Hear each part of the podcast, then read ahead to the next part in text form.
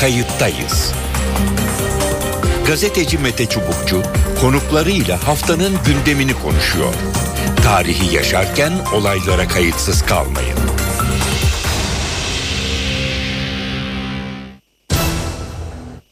Bir kayıttayız programıyla daha karşınızdayız. Tarihe ışık tutmak ve olan biteni anlamak için önümüzdeki yarım saat sizlerle birlikte olacağız. Ben Mete Çubukçu.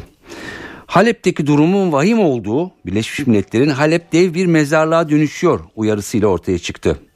Bu arada Fırat Kalkan operasyonu çerçevesinde e, operasyona katılan iki Türk askeri IŞİD tarafından kaçırıldı. Yine Fırat Kalkan operasyonu çerçevesinde Elbap'ta bir süre önce üç asker şehit edildi. Ruslar biz de Suriye'de yapmadık dedi. Cumhurbaşkanı Erdoğan ve Putin son 5 gün içinde 3 kez telefonla görüştü.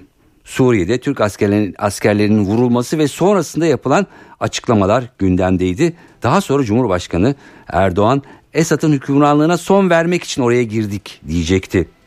Ancak bir süre sonra Cumhurbaşkanı Erdoğan Fırat Kalkan operasyonunun hedefi herhangi bir ülke veya kişi değil sadece terör örgütleridir diye konuştu.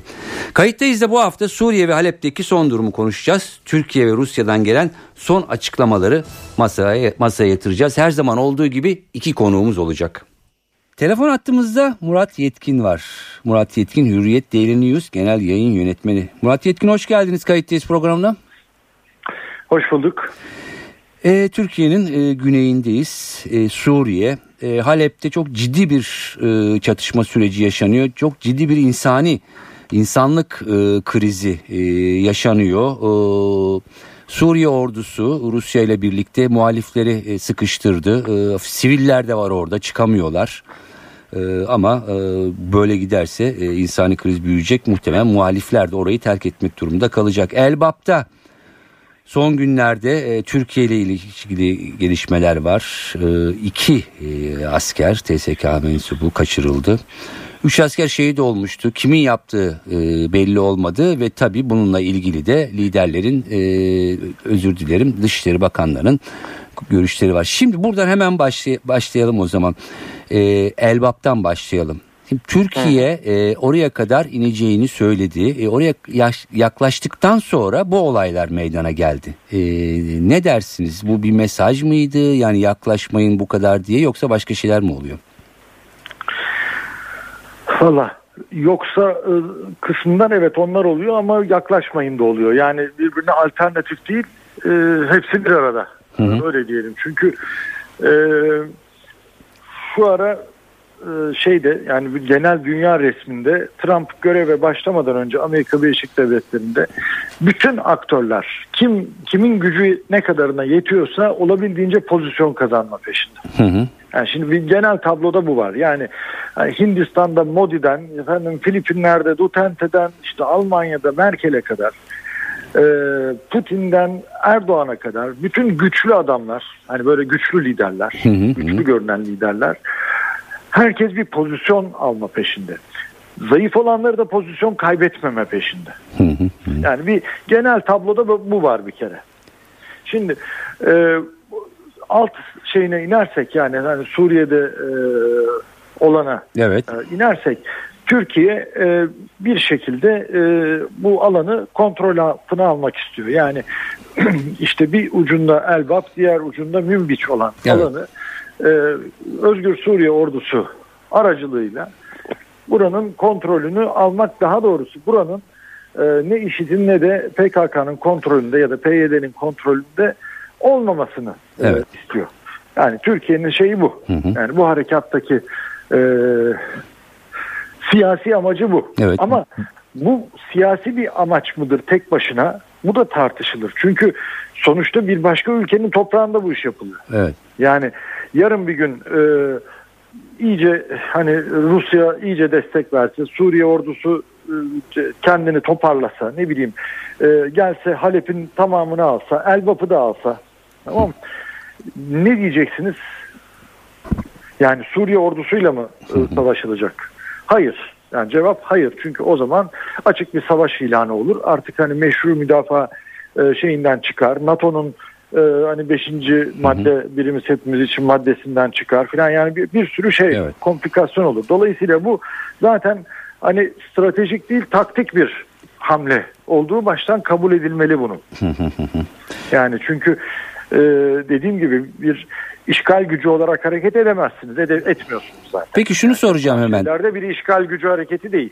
Türkiye o hattı e, kapattı de, diyebilir miyiz? Yani bizim bu Mare Cerablus dediğimiz işte Münbiç, Elbap. Belki Elbap'a çok şu anda hani 1-2 kilometre dışında e, diyorlar ama zaten onun üstüne bakarsak bir 25-30 kilometrelik derinlikte zaten orada o hani söz edilen koridorun e, gerçekleşmeyeceği belli de, diye denilebilir mi? Valla ta, amaca tamamen ulaşılabilmiş değil. Yani Hı-hı. kısmen ulaşılabilmiş. Çünkü orada e, yani dikkatli izleyiciler hatırlayacaktır. Yani ilk ortaya atıldığında işte 98-100 kilometre genişliğinde 40-45 kilometre derinliğinde bir e, bölgeden bahsediliyordu. İşte o Elbap Münbiç dediğimiz filan bu o bölgeyi tarif ediyor. E şimdi onun hemen hemen yarısında e, Türk sınırından itibaren güneye doğru. Hı hı hı. Yani e, dolayısıyla o hedefi ancak kısmen e, yerine getirdiğini söyleyebiliriz Aynen. yani. Hı hı. Tamamıyla değil.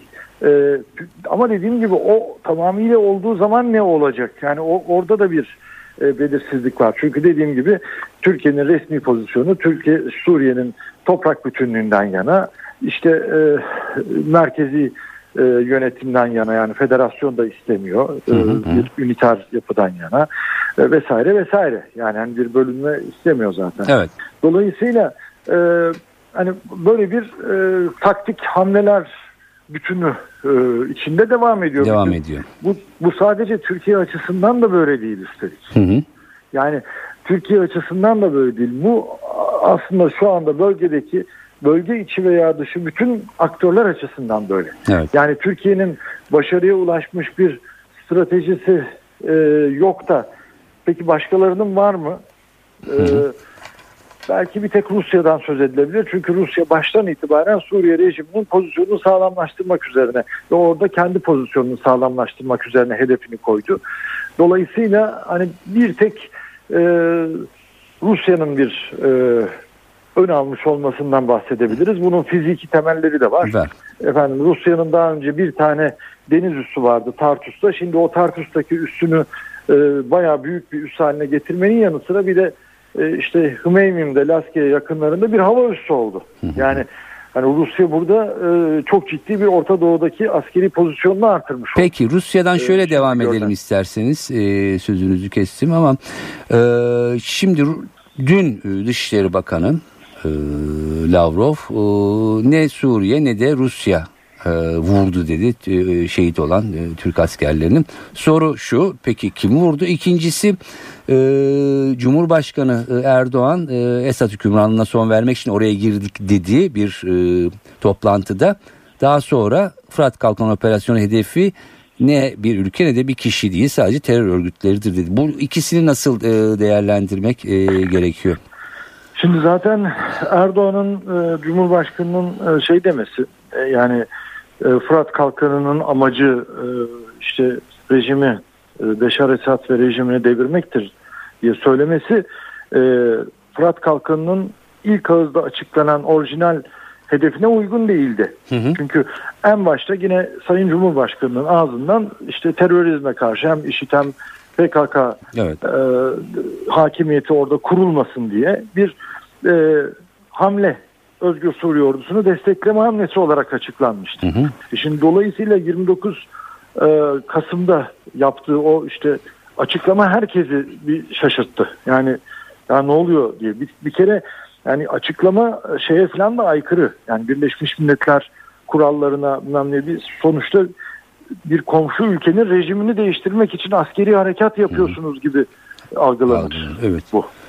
Şimdi o herhalde e, e, bir düzeltilme ihtiyacı e, duyuldu. Tabii o arada bir e, şey de var. Yani e, Sayın Erdoğan'ın Putin'le Putin'e açtığı telefon bir e, şey var. E, efendime söyleyeyim zaten o açıklamadan dünkü açıklamadan önce Lavrov ve Çavuşoğlu e, Alanya'daki görüşmede hı hı. E, şey şey var. E, işte Çavuşoğlu'nun yok Cumhurbaşkanı onu demek istemedi bizim sadece terörizmdir amacımız diye orada bir beyanı var. Onun üstüne e, ondan birkaç saat sonra geldi Sayın Cumhurbaşkanı'nın da e, işte kimse başka yere çekmeye çalışmasın e, diye e, bunu söylemesi. Evet. Yani dolayısıyla yani e, şeyle zaten hani baştan beri konuşuyoruz. Bu kadar coğrafi sınırları da belli bir taktik hareketle mi rejim devireceksiniz? Yani bu zaten e, şey değil. Yani bir mantığı olan bir şey değil. Siyaseten de doğru olan bir şey değil. Evet. Onu düzeltmesi düzeltildi. Evet, dolayısıyla açıklık düzeltildi. getirmesi Hı hı. iyi oldu. Hı hı. Evet. Ee, peki e, birkaç dakikamız daha var Ee, sanırım. Biraz da hızlı gidersek yine şehit edilen Türk askerleriyle ilgili e, Rusya biz değiliz, Suriye'de değil e, dedi. E, inandırıcı mı? E, bana göre e, çok e, değil. İkinci sorumsa şu. E, IŞİD iki tane e, askeri kaçırdı. Bundan sonra içeri girdikçe bu tür riskler e, artacak mı, artıyor mu? E tabii yani derine girdikçe artıyor. Yani bu ta en başta e, sorduğunuz şeye de e, cevap niteliğini taşıyacak. Yani Elbap'ta neden e, geldik geldik orada durdu. Çünkü bu tür operasyonları e, hava desteği olmadan günümüz e, teknolojisiyle günümüz savaş koşullarıyla hava desteği olmadan yapmak çok zor. Neredeyse imkansız. Evet. Yani hava desteği olabildi, olabilen yerlerde olabildiği zaman hızlı ilerleme mümkün oluyor. Ama olmadığı zaman sadece topçu desteğiyle e, bir yere kadar oluyor. Evet. E, dolayısıyla o hava desteğinin sağlanması Rusya ile e, sağlanacak bir anlaşmaya bağlı olmak zorunda kalıyor. Efendime söyleyeyim Rusya'ya bağlı olan şeyle Rusya muhtemelen diyecektir ki e, hedefleri ben de göreyim. Sen Suriye hedeflerini vurma. E, ve şey yapma. E, efendime söyleyeyim işte hani PYD, MYD bunlarla da uğraşma. Sen git işitini vur filan diyecektir.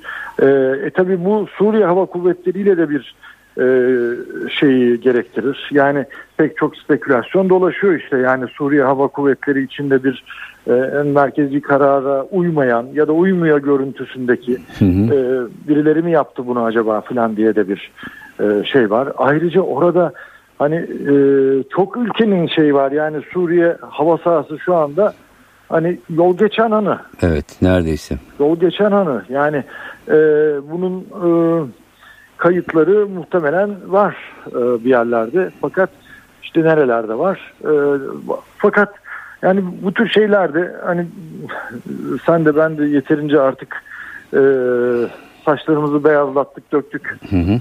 E, yani bunlar çıkıyor ortaya değil mi? Evet, evet bir süre sonra Yani tabii. er ya da geç çıkıyor yani. Bir Biz şey de bir, bir çıkar çıkacaktır bir gün. Evet. İşte Hı hı. birimizden birimiz bunu haber yaparız ilk. Peki. Murat Yetkin çok teşekkür ediyorum kayıttayıza katıldığınız için. Rica ederim. hem de yorumlarınız için iyi günler diliyorum.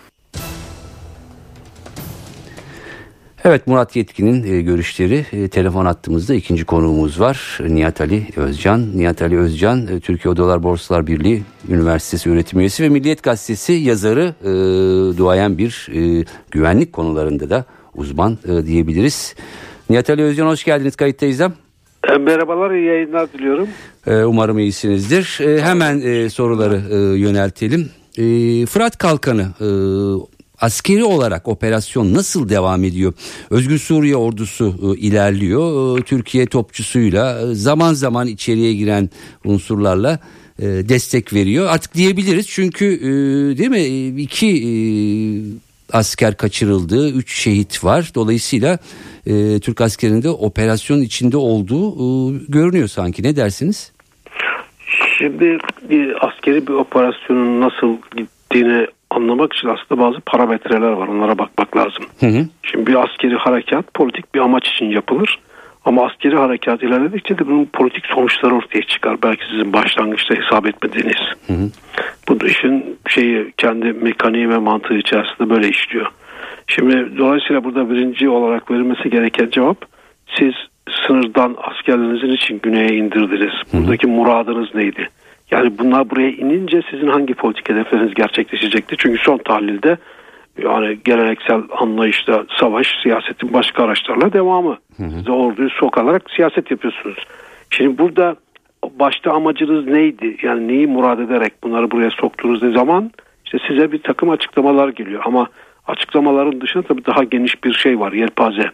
Şimdi bu her bir yelpaze mesela Özgür Suriye ordusunu desteklemek, güvenli bölge oluşturmak, mültecileri korumak, PKK PYD'nin önünü kesmek, evet. ya iç politikada bir söylem tutturmak, e, silahlı kuvvetleri içeri yerine dışarıda meşgul etmek.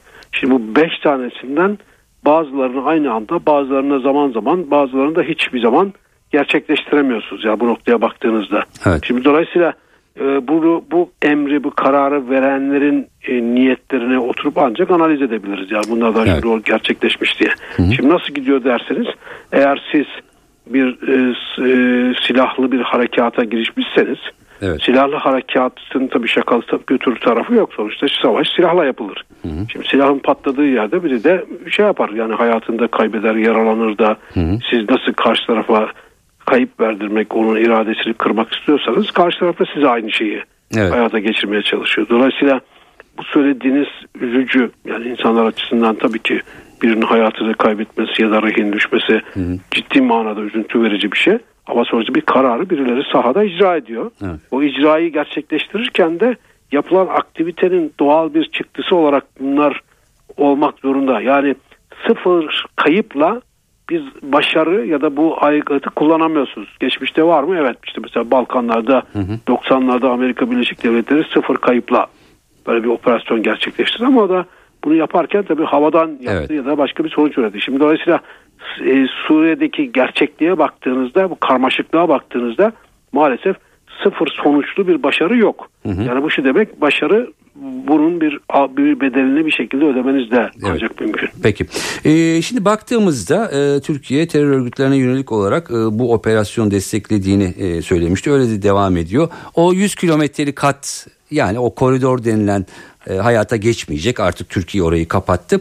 Fakat Elbab'a doğru indikçe de askeri olarak sorunlar çıkmaya başladı. E, sanki Rusya Suriye müdahale ediyor gibi ya da birileri e, şu mesajı veriyor. Çok fazla da artık aşağıya inmeyin. Böyle mi acaba? Ne dersiniz? Ee, şimdi bir, biliyorsunuz bir haritanın üzerinden konuşmak mümkün ama haritanın sahadaki gerçekliği yok. Yani sahadaki gerçekliği yoktan kastım şu.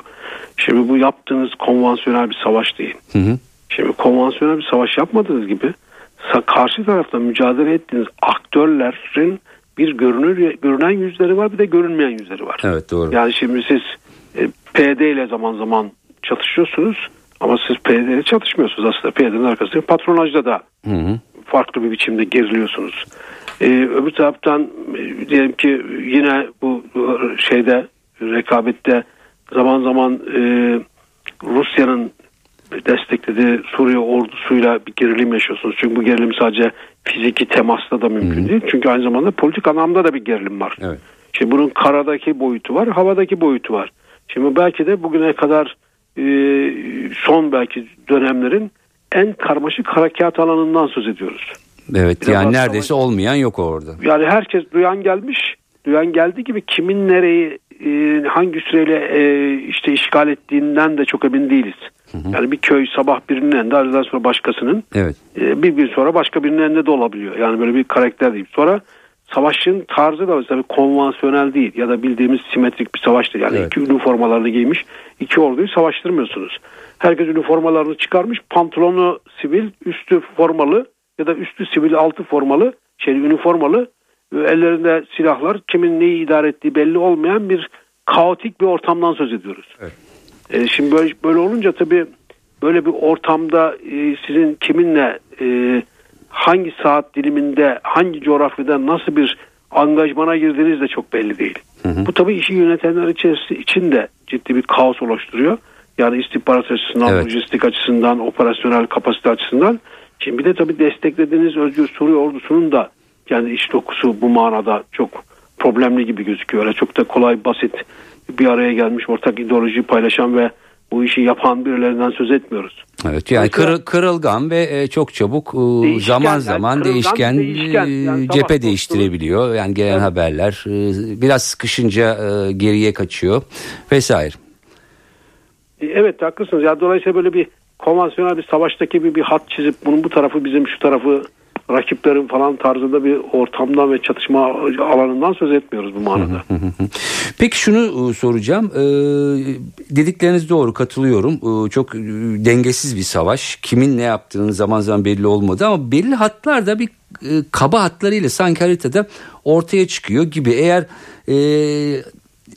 Suriye e, ordusu Halep'i alırsa e, Ruslar da bunu e, destekliyor. Bir şekilde e, belki Elbab'a kadar ilerleyip orada bir e, cephe kuracak. E, Türkiye biraz daha yukarıda ÖSO'yla birlikte ÖSO'yu destekleme e, amacıyla e, küçük bir cepte muhalifler e, olacak. Diğer tarafta işte Rakka operasyonu IŞİD Amerika devam edecek.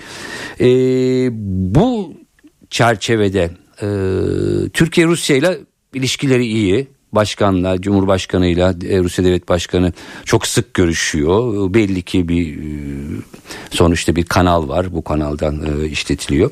Sizce nasıl devam edecek? Yani bunu Türkiye Rusya mı götürecek? Türkiye Amerikan ilişkileri mi? Çok karışık bir soru belki ama. Ay yani şöyle söyleyeyim tabii kısa ve orta ve uzun vadede değişecek Hı. bir şey var, tablo var. Bunun parametreleri de değişecek. Yani Türkiye'nin Özgür Suriye ordusunu destekleyip DAEŞ'e saldırması ya da Türkiye'nin PYD ile çatışmasının e, hukuki şeyi, tanımı, terminolojisi Türkiye'nin Suriye ordusuyla karşılaştığında farklılık göstermeye başlayacak. Hı hı. Çünkü son tahlilde uluslararası hukuk normlarına göre şu anda Suriye'nin sahibi ya da egemen gücü hoşumuza gitmese de Esad ordusu, evet. Esad evet. hükümeti. Şimdi Esad hükümeti ve ordusu Halep'ten kuzeye doğru ya da güneye doğru şey batıya doğru harekete geçtiğinde e, eğer e, Özgür Suriye Ordusu mensuplarıyla karşılaşırsa bu başka bir şeydir. Hı hı. Ama Türk Silahlı Kuvvetleri ile Esad ordusu karşı karşıya geldiğinde artık orada işin karakteri değişiyor demektir. Yani evet. o zaman iki devletin savaşından söz edersiniz. Hı hı. Şimdi bu noktada baktığınızda e, mümkün olduğu kadar her taraflar da bu anlamda direkt doğrudan yüz yüze gelmek de istemeyecektir. Evet. Fakat şunu söyleyebilirim orta vadede benim kişisel kanaatim tabi bu Amerikan seçimi daha sonra Amerikan yeni başkanlığının nasıl bir tavır izleyici de ortada. Ee, sonuçta ortaya çıkacak olan tabloda büyük ihtimalle Rusya e, bölgedeki bütün muhalifleri e, muhaliflerin belki Kürtler hariç yani PKK PYD hariç hı hı. bütün muhaliflerin bir şekilde zaman içerisinde e, oyunun dışına çıkarılması konusunda bazı şeye Saddam şey Esad yönetimine desteğini arttırarak devam ettirecek. Hı hı. Dolayısıyla da biz evet. herhalde bir sonraki aşamada muhaliflerin e, faaliyetlerini bazı bölgelerde görebileceğiz. Hı hı. Ama muhaliflerin bir araziye, bir bölgeye, bir coğrafyaya dayalı bir biçimde e, meydan okumalarını sürdürmelerinin zaman içerisinde daha zor olduğu bir tabloyla karşılaşacağız. Evet, yani giderek karmaşıklaşan bir Tabii. durum ama e, muhtemelen Trump e, Beyaz Saray'a yerleştiğinde ki birçok bir, taraf herhalde o zamana kadar kendini tahkim etmek istiyor. İkincisi de bu IŞİD hikayesi. Yani IŞİD gücünü kaybettikten sonra asıl problem de ortaya çıkacak değil mi? Son e, yanıtınızı kısa olarak da alayım. Yani benim de Amerika Birleşik Devletleri'nin Suriye'deki asıl ağırlıklı işi Rusya'ya havale edeceğini tahmin ediyorum. Ya da onunla böyle bir rekabete girmeyecek. Hı hı. Ama e, sizin de söylediğiniz gibi tabii bu ara dikkat ederseniz çok da sessizlik var. Musul'dan olduğunu bilmiyoruz. Evet. Musul'da büyük aslında kayıp var. Geçen çıktı 1600 mesela peşmerge ki peşmerge içeri de girmedi. 1600 kayıp vermiş ki çok ciddi bir rakam yani. Yani şimdi bu 1600 kayıp ölümlerle ilgili. Büyük ihtimalle bunun 4 katı 5 katı da yaralı vardır. Evet. Şimdi dolayısıyla yani oradan da sessizlik hakim olduğu için dikkat ederseniz öyle çok da çabuk hızlı kesin bir zafer yok herhalde tabloda. Evet. Çünkü öyle bir zafer olsaydı zaten biz onu çoktan duyardık. Evet. Ama e, şey e, sessizlik hali bazı şeylerin e, işte kamuoyuna anlatıldığı veya paylaşıldığı ölçüde ve ölçekte ve hızda gitmediğini gösteriyor. Evet, peki daha e, önümüzde alınacak çok yol var. Belki çok daha e, başka programlarda da yine aynı konuyu ele alacağız. E, çok teşekkür ediyorum ben programımıza teşekkür katıldığınız ve görüşlerinizi paylaştığınız için. Evet e, kayıttayızın sonuna geldik ama şunu da hatırlatmak lazım. Halep'te gerçekten ciddi bir insani dram yaşanıyor. Ya bir koridor açılması o insanların oradan çıkarılması ya da yardım ulaştırılması e, gerekiyor. E, çok ciddi bir e, durum dünyanın da gözünü buna kapamaması gerekiyor. Evet Suriye'deki son gelişmeler e, böyle konuklarımızla e, değerlendirdik. E, ben Mete Çubukçu editörümüz. İrem Gökbudak e, önümüzdeki haftalarda farklı konularda kayıttayız da yeniden birlikte olmak üzere. Hoşçakalın. Kayıttayız. Gazeteci Mete Çubukçu konuklarıyla haftanın gündemini konuşuyor. Tarihi yaşarken olaylara kayıtsız kalmayın.